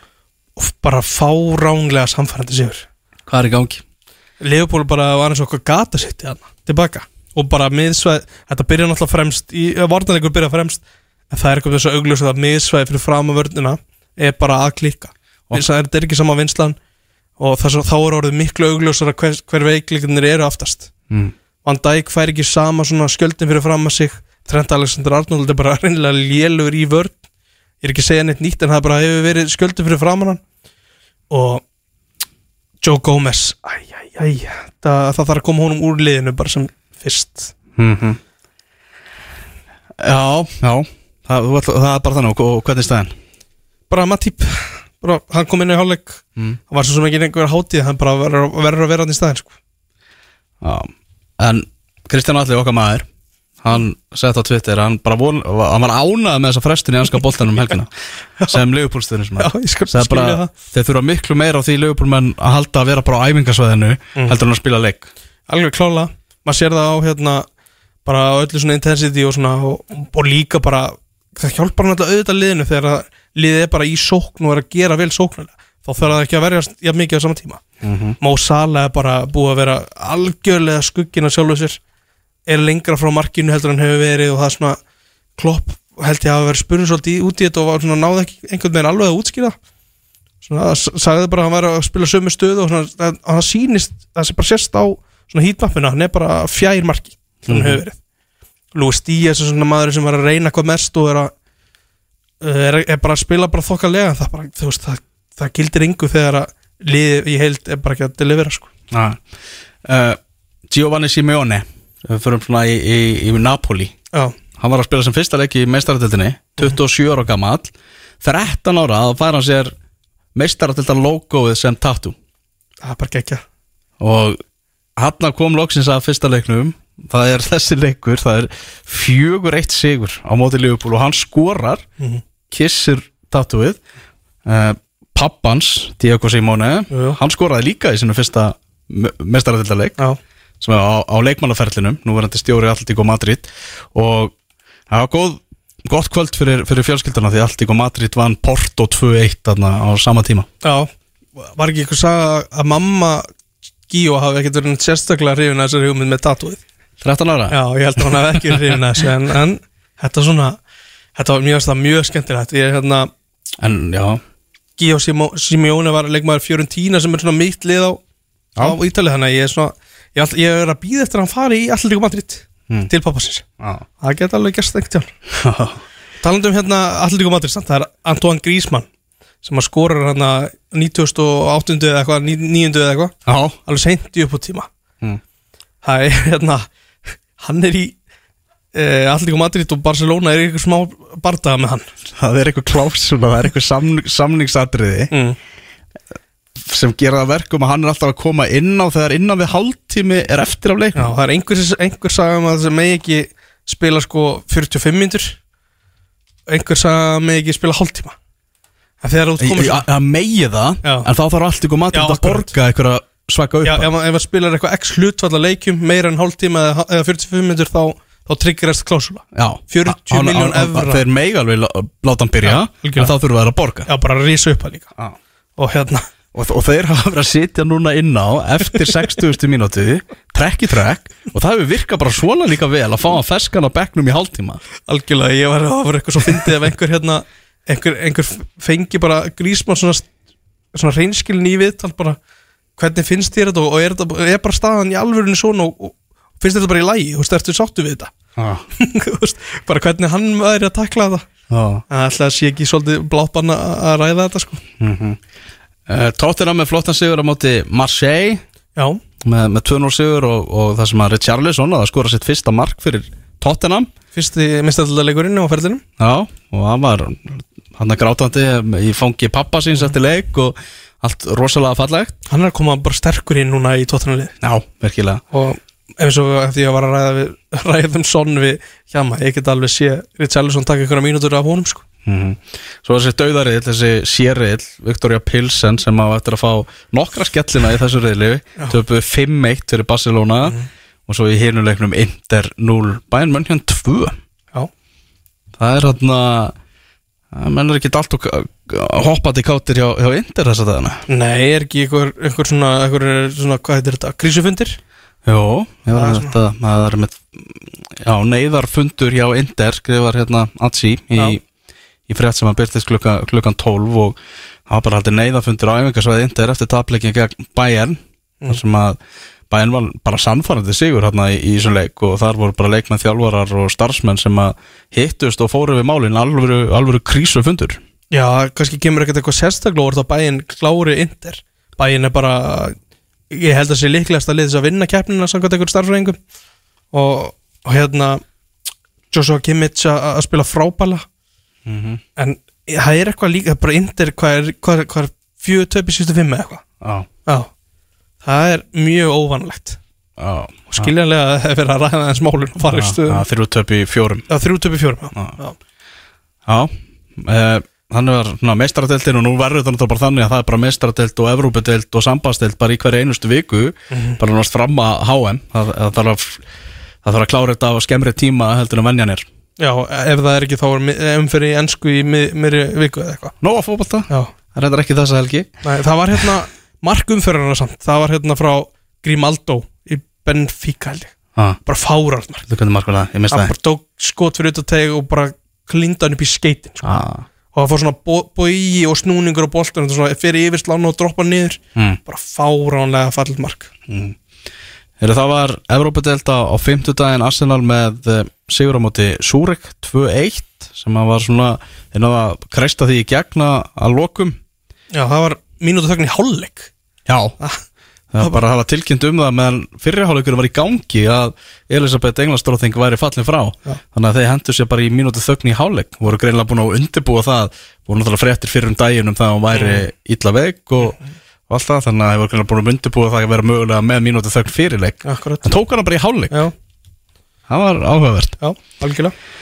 Heyrði já, svo Manchester United 0 Real Sociedad 1 og þar var Harry Maguire komin í vörnina og Cristiano Ronaldo í, í strækirinn hjá Manchester United.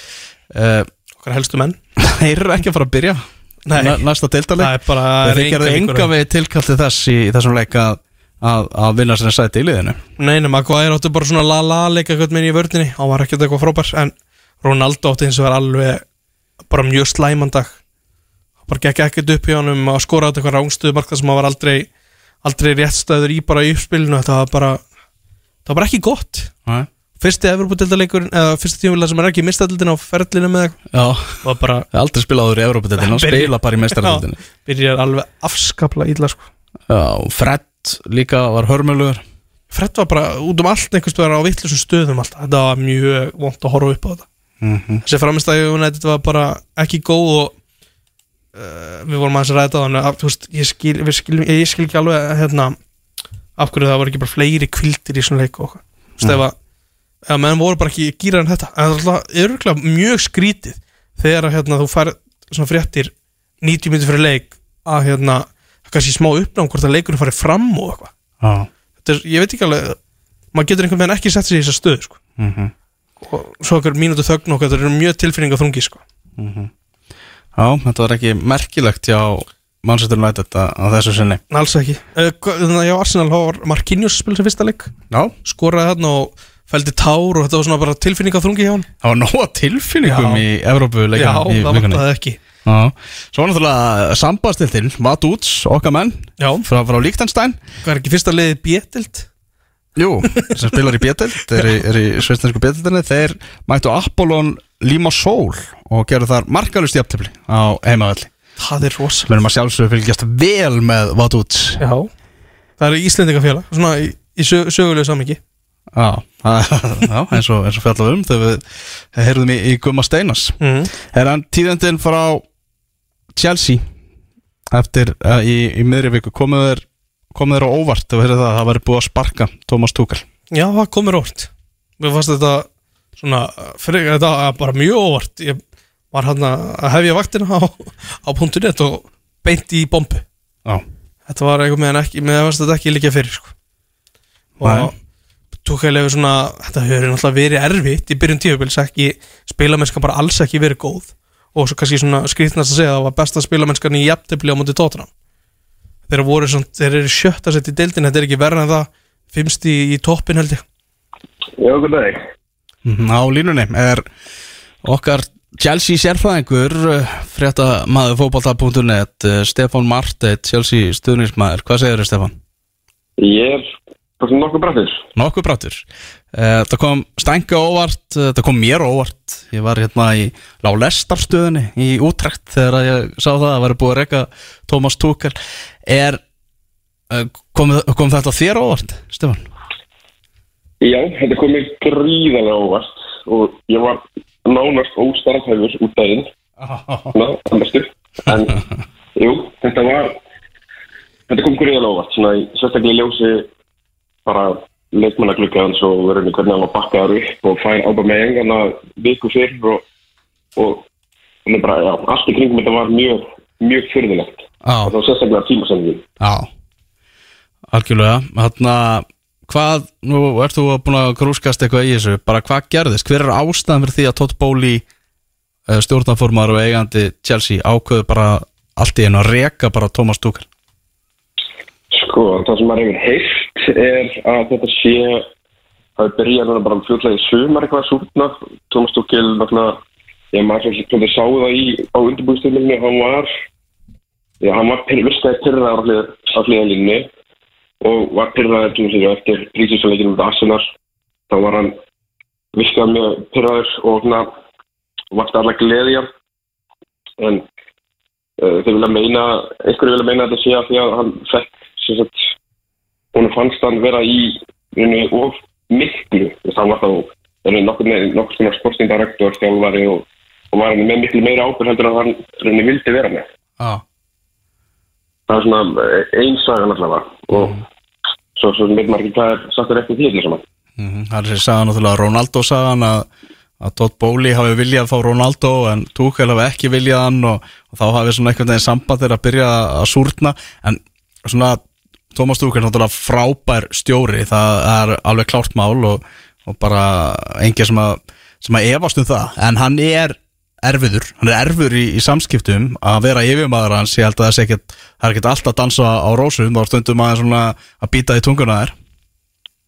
Sko, já, alveg klárlega og ég held að sé, hann er örgulega hann er örgulega með fyrir að vota af einhverfið eitthvað, hann er alltaf manískur í þegar kemur að þessum eitthvað og ég held að sé svona, hann vill einbæta sér af sjálfun og hann vill ekki þetta um, umfang í kringum sjálfun hann vill hann vill ekki vera veist, eh, svara til og stjórnaformenn og svo leiðis, mm. hann er ekki alveg þar.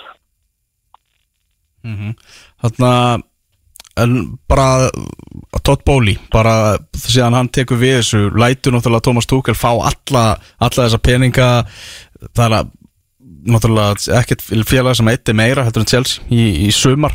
Og svo er hann ekki er meira þólumæði en þetta. Eh, Hvernig finnst þér svona bara Todd Bowley vera að koma inn í þetta? Hann er alltaf mjög ábyrrandi Það er ótt að segja það.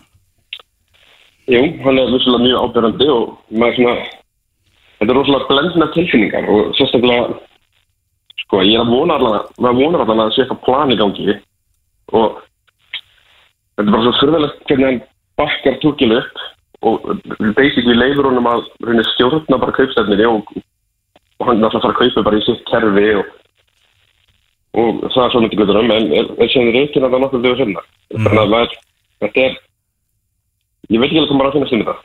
mm Finnst þér, sko, nú er Graham Potter tekið við dýrasti stjóri sögunar eins og er búið að fjalla um sótturarna frá Brighton það sem að, að kostaði sitt að, að, að gera þessi skipti að það svona gerðist nokkuð snögt að kom ykkur nokkuð nöfn upp á uh, yfirborðið meðan hans talaði um að Pochettino og ég veit ekki hvað og hvað en svona þeir voru fljótir að detta á Graham Potter heldur að sé mögulegt að þeir hafi bara einhvern veginn þeir eru búin að ákveða Graham Potter áður en þeir rífi kekkin og Thomas Tuchel er látið fara Ég held að hljóta eiginlega vera. Ég held að geti ekki gert svona hratt nema að sé allan að búin að taka allan að samtali.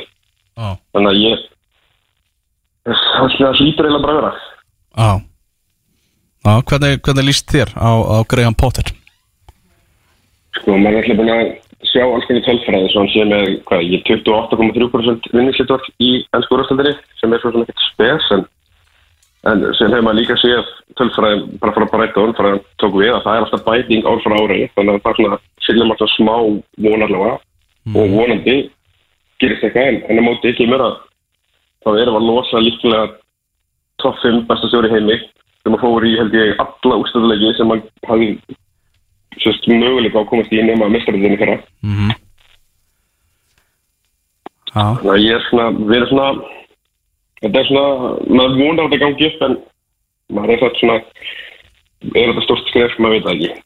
mhm Það er spurning, þetta er náttúrulega mjög áhugaverður Graham Potter og er með svona mjög fastmótaðar hugmyndir náttúrulega fer svolítið svona óvennilega leið fer hérna til Svíþjóðar og er hérna hjá Östersund kemur þeim upp úr sételdinni og, og allarið upp í efstudeld gera það á byggarmesturum kemur þeim í Evrópudeldina í reyðlakjapnina og bara ótrúlegt fótboltalegt afrek hjá, hjá þessum gæja. Svo fær hann þetta tækifæri náttúrulega hjá, hjá Swansea fer séðan eftir eitt tímabil þar til Brighton og hlutir sem hann er búin að gera á Brighton eru náttúrulega alveg, alveg virkilega upplýðir Brighton fer úr því að vera eitthvað í lið sem er eitthvað svona að reyna að kreista fram úslitin yfir í það bara að vera fallegt áhör, spila skemmtilegan fótbolta og þetta gera hann á ótrúlega skömmum tíma. Jú, það er rétt, svo náttúrulega hann sprengu verður í þokkabott í hvað, tilfinningagreind og lítur sig og ég veit ekki hvað og hvað, þannig að það verður ef hann, ef hann tekst að missa klefan allavega. En þetta er bara, þetta er náttúrulega allt annað verkefni sem hann er komin í núna allt innu með bara uh, stórstjörnur á, á, á sínum snærum og nú þarf bara að vinna fótboltaleiki og nú er hann bara mættur í meistarateldina, takk fyrir. Jú, jú, og náttúrulega vissulega er stór munur átt frá því að vera með vikum milli leikja í það að vera með leik núna fyrir eitthvað dag. Þannig að spurningur að takla það. Hann og þjóðlega til mig en síðan alltaf líka spurning bara með eins og hvað gerist með Lukaku næsta sumar og, og hvað gerist með all- alla CS og Pulisic og þessi gæði sem maður kannski ekki alveg átt ef þú borðið túkja og hvað gerist með það Já. Já, þetta er, þetta að fullt af, fullt af spurningamarkum Pítur, hver, er- hver er á Chelsea núna í mestarteltinni í vikunni? Hver verður fyrsti leikur Thomas Tuchel? við eigum Salzburg. Það er Salzburg. Á heimaðurna á miðvikudaginn. Já. Þannig að það er bara, já, fyrsti leikur Graham Potter, það er bara meistaradeildin og, og ekkert minnið það, sko Já, og ef hann byrjar ekki að sigra þá held ég að þetta verði rosalega erfið fyrir hann. Allan frá stuðnismennum, þannig að við erum held ég langt flestir en þá á tútinu vagnum. Já, nákvæmlega Já, þetta er, þetta er mjög svona, mjög svona óvænt í, í hanska bóttanum og svo náttúrulega bara spurning hver tekur við, við Brighton, Sabet, hver tekur við Brighton? Lallana er að stýra þessu náttúrulega ekki verið að orða hana Kitty Knúsen, Já, hefur bóttu glimt, Bótu gleymt. fáum kannski Alfons í, í Brighton í janúar klukkanum frí transfer, Al Alfons Það væri skemmtilegt Það var resandi Herra Stefán Martin, bara takk kjærlega fyrir að gefa okkur smá Chelsea einsinn Já, ekki má, takk fyrir. Heyrjumst, bye bye Nei. Hvernig líst þér á þessa ráningu á Graham Potter? Maður, maður, ég kjælt einhvern veginn að Graham Potter bara veginn svona hvernig hann svona lítur út og kemur í úr, úr svíþjóð og eitthvað það er ekki, það er ekki stjörnuglans yfir honum. Ég held að hann myndi aldrei fá eitthvað svona jobb Hann er svona frekar nördalegur Maður leiði sér að segja Já, það. ég er bara að segja um það. Já, hann er hérna- það, sko. Það var eitthvað mikið verið að tala um að hann mögulega svona getur tekið við að Garð Southgate kannski með landslið. Já, og kannski svo í kjölfæri eitthvað svona stórt félag ef hann stendur sig þar sko. En mér finnst það skemmtilegt því að mjög gaman að því þessu hann er búin að vinna fyrir þessu og hann talað um það ef hann væri bara, þú veist, spænskur og hétti Jose Rodríguez eða eitthvað, þá væri hann komið með svona stærra starf fyrr. Já, það er bara pottið deila Já, Hann er bara búin að gera flotta hluti hjá, hjá Brighton. Hann er að spila hvað, þrý, fjórir, þrýr eitthvað með eins og eða þrý, fimm, tveir eitthvað sem að hann geti alveg gert bara líka alveg eins hjá Chelsea sko. svo er hann með þarna það bara hann er búin að halda traust við sko aðstofarmennina sína og teimið bara frá því í Östersund sko. Þannig að einhverju gauðra sem að voru bara mættir þarna í, í þjálfun hjá Östersund eru skemmtilega bara að þjálfa þjálfa Chelsea. Já, ég held að hann sé að taka þrjá með sér. Já, Það er eitt svona, eitthvað, svona alvöru transfergúrú líka. Já, sem að, sem að kemur vættalega með eitthvað svona eitthvað, við getum séð eitthvað svona eitthvað óvænt kaupi á Chelsea eitthvað svona alveg út fyrir boxi sko. mhm. Það, þú veist, eins og hann var að gera þetta með Brighton núna náttúrulega missir hann se, eða selur tvo bestu leikminna sína. En liðið er samt finnur, finnur ekki fyrir því. Það er það er rosalega styrkling sko. Mhm, Við ætluðum uppalega að taka þessu umræðu með Chelsea eftir að þeir varu búin að spila á móti fúlham því að það, það átti að vera hátegisleikur núna Akkurat. og hann ætti að vera bara akkurat búið núna. Og ætlum að, einmitt að skoða fyrsta leikari á Potter en hann byrjar í meistaratildinni uh, það var, sett inn könnun á fótbolta.net er það rétt ákvörðinu Chelsea að skipta Tuchel út fyrir Potter? Uh, já segja 22% en 78% segja nei. Það er rosalega svona skýra línur í þessu menn eru á því að þetta sé ekki rétt. Já, hann er náttúrulega e- ennþá bara svona maður uh, Lítil Magnans, þarna Graham Potter. Einhvern veginn, með, með Thomas Tuchel er með þennan, þetta CV með, með meistaratildin og allt það. Já, algjörlega. Tuchel, er svona þeirra maður en þá Gott segði Queen á X977 Engin enski bolti þessa helgina því að Elisabeth eh, fjall frá í fyrradag og við bara vottum henni virðingu okkar með, með þessu lagi. Uh, Þátturinn eru enda komin út af státturinn fótbolti.net þennan laugar daginn Helvar Geir og Sæbjörn Stang er búin að vera með okkur síðan klukkan 12 við fórum yfir eh, lið ásins í lengjunni. Það getur séð það allt saman á .net þar sem Ómar Ingi var þjálfari ásins og Ásker Eithosson leikmaður ásins fórum einnig yfir eh, fréttir vikunar eh, næstu umferð í bestu deildinni, rendum yfir hana það er heil umferð á morgun, allir á völlin og eh, rendum einnig um kvennalandslið, ennska boltan Evrópuboltan, Stefán Martin var á línni, rendum Chelsea.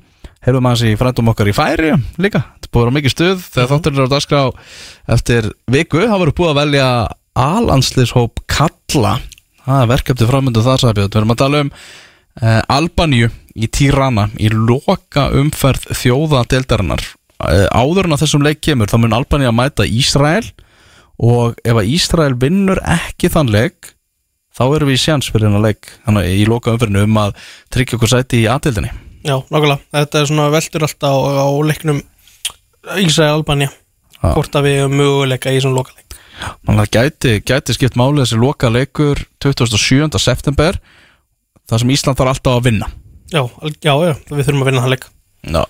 og svo er einnig uh, vinnatalansleikur við Venezuela sem að fer fram í, í nágræni Vínarborgar 22. september. Hann verður þarna áður en að kemur að þessum leik Já. á móti Albaníu. Náum hann að tvekja leikja glugga Náum öruglega uppfyll eitthvað samninga og eitthvað. Áhuga að verður mótverðir Já, hann sjá að það fyrir kannski nánar í það bara næsta laugardag þegar uh, þátturinn verður aftur á dagskrað þá ætti Tómas Þór að vera mættur aftur. Við verðum mér aftur eftir viku, laugardaginn 17. september millir 12 og 2 á X977 þangað til, verðið sæl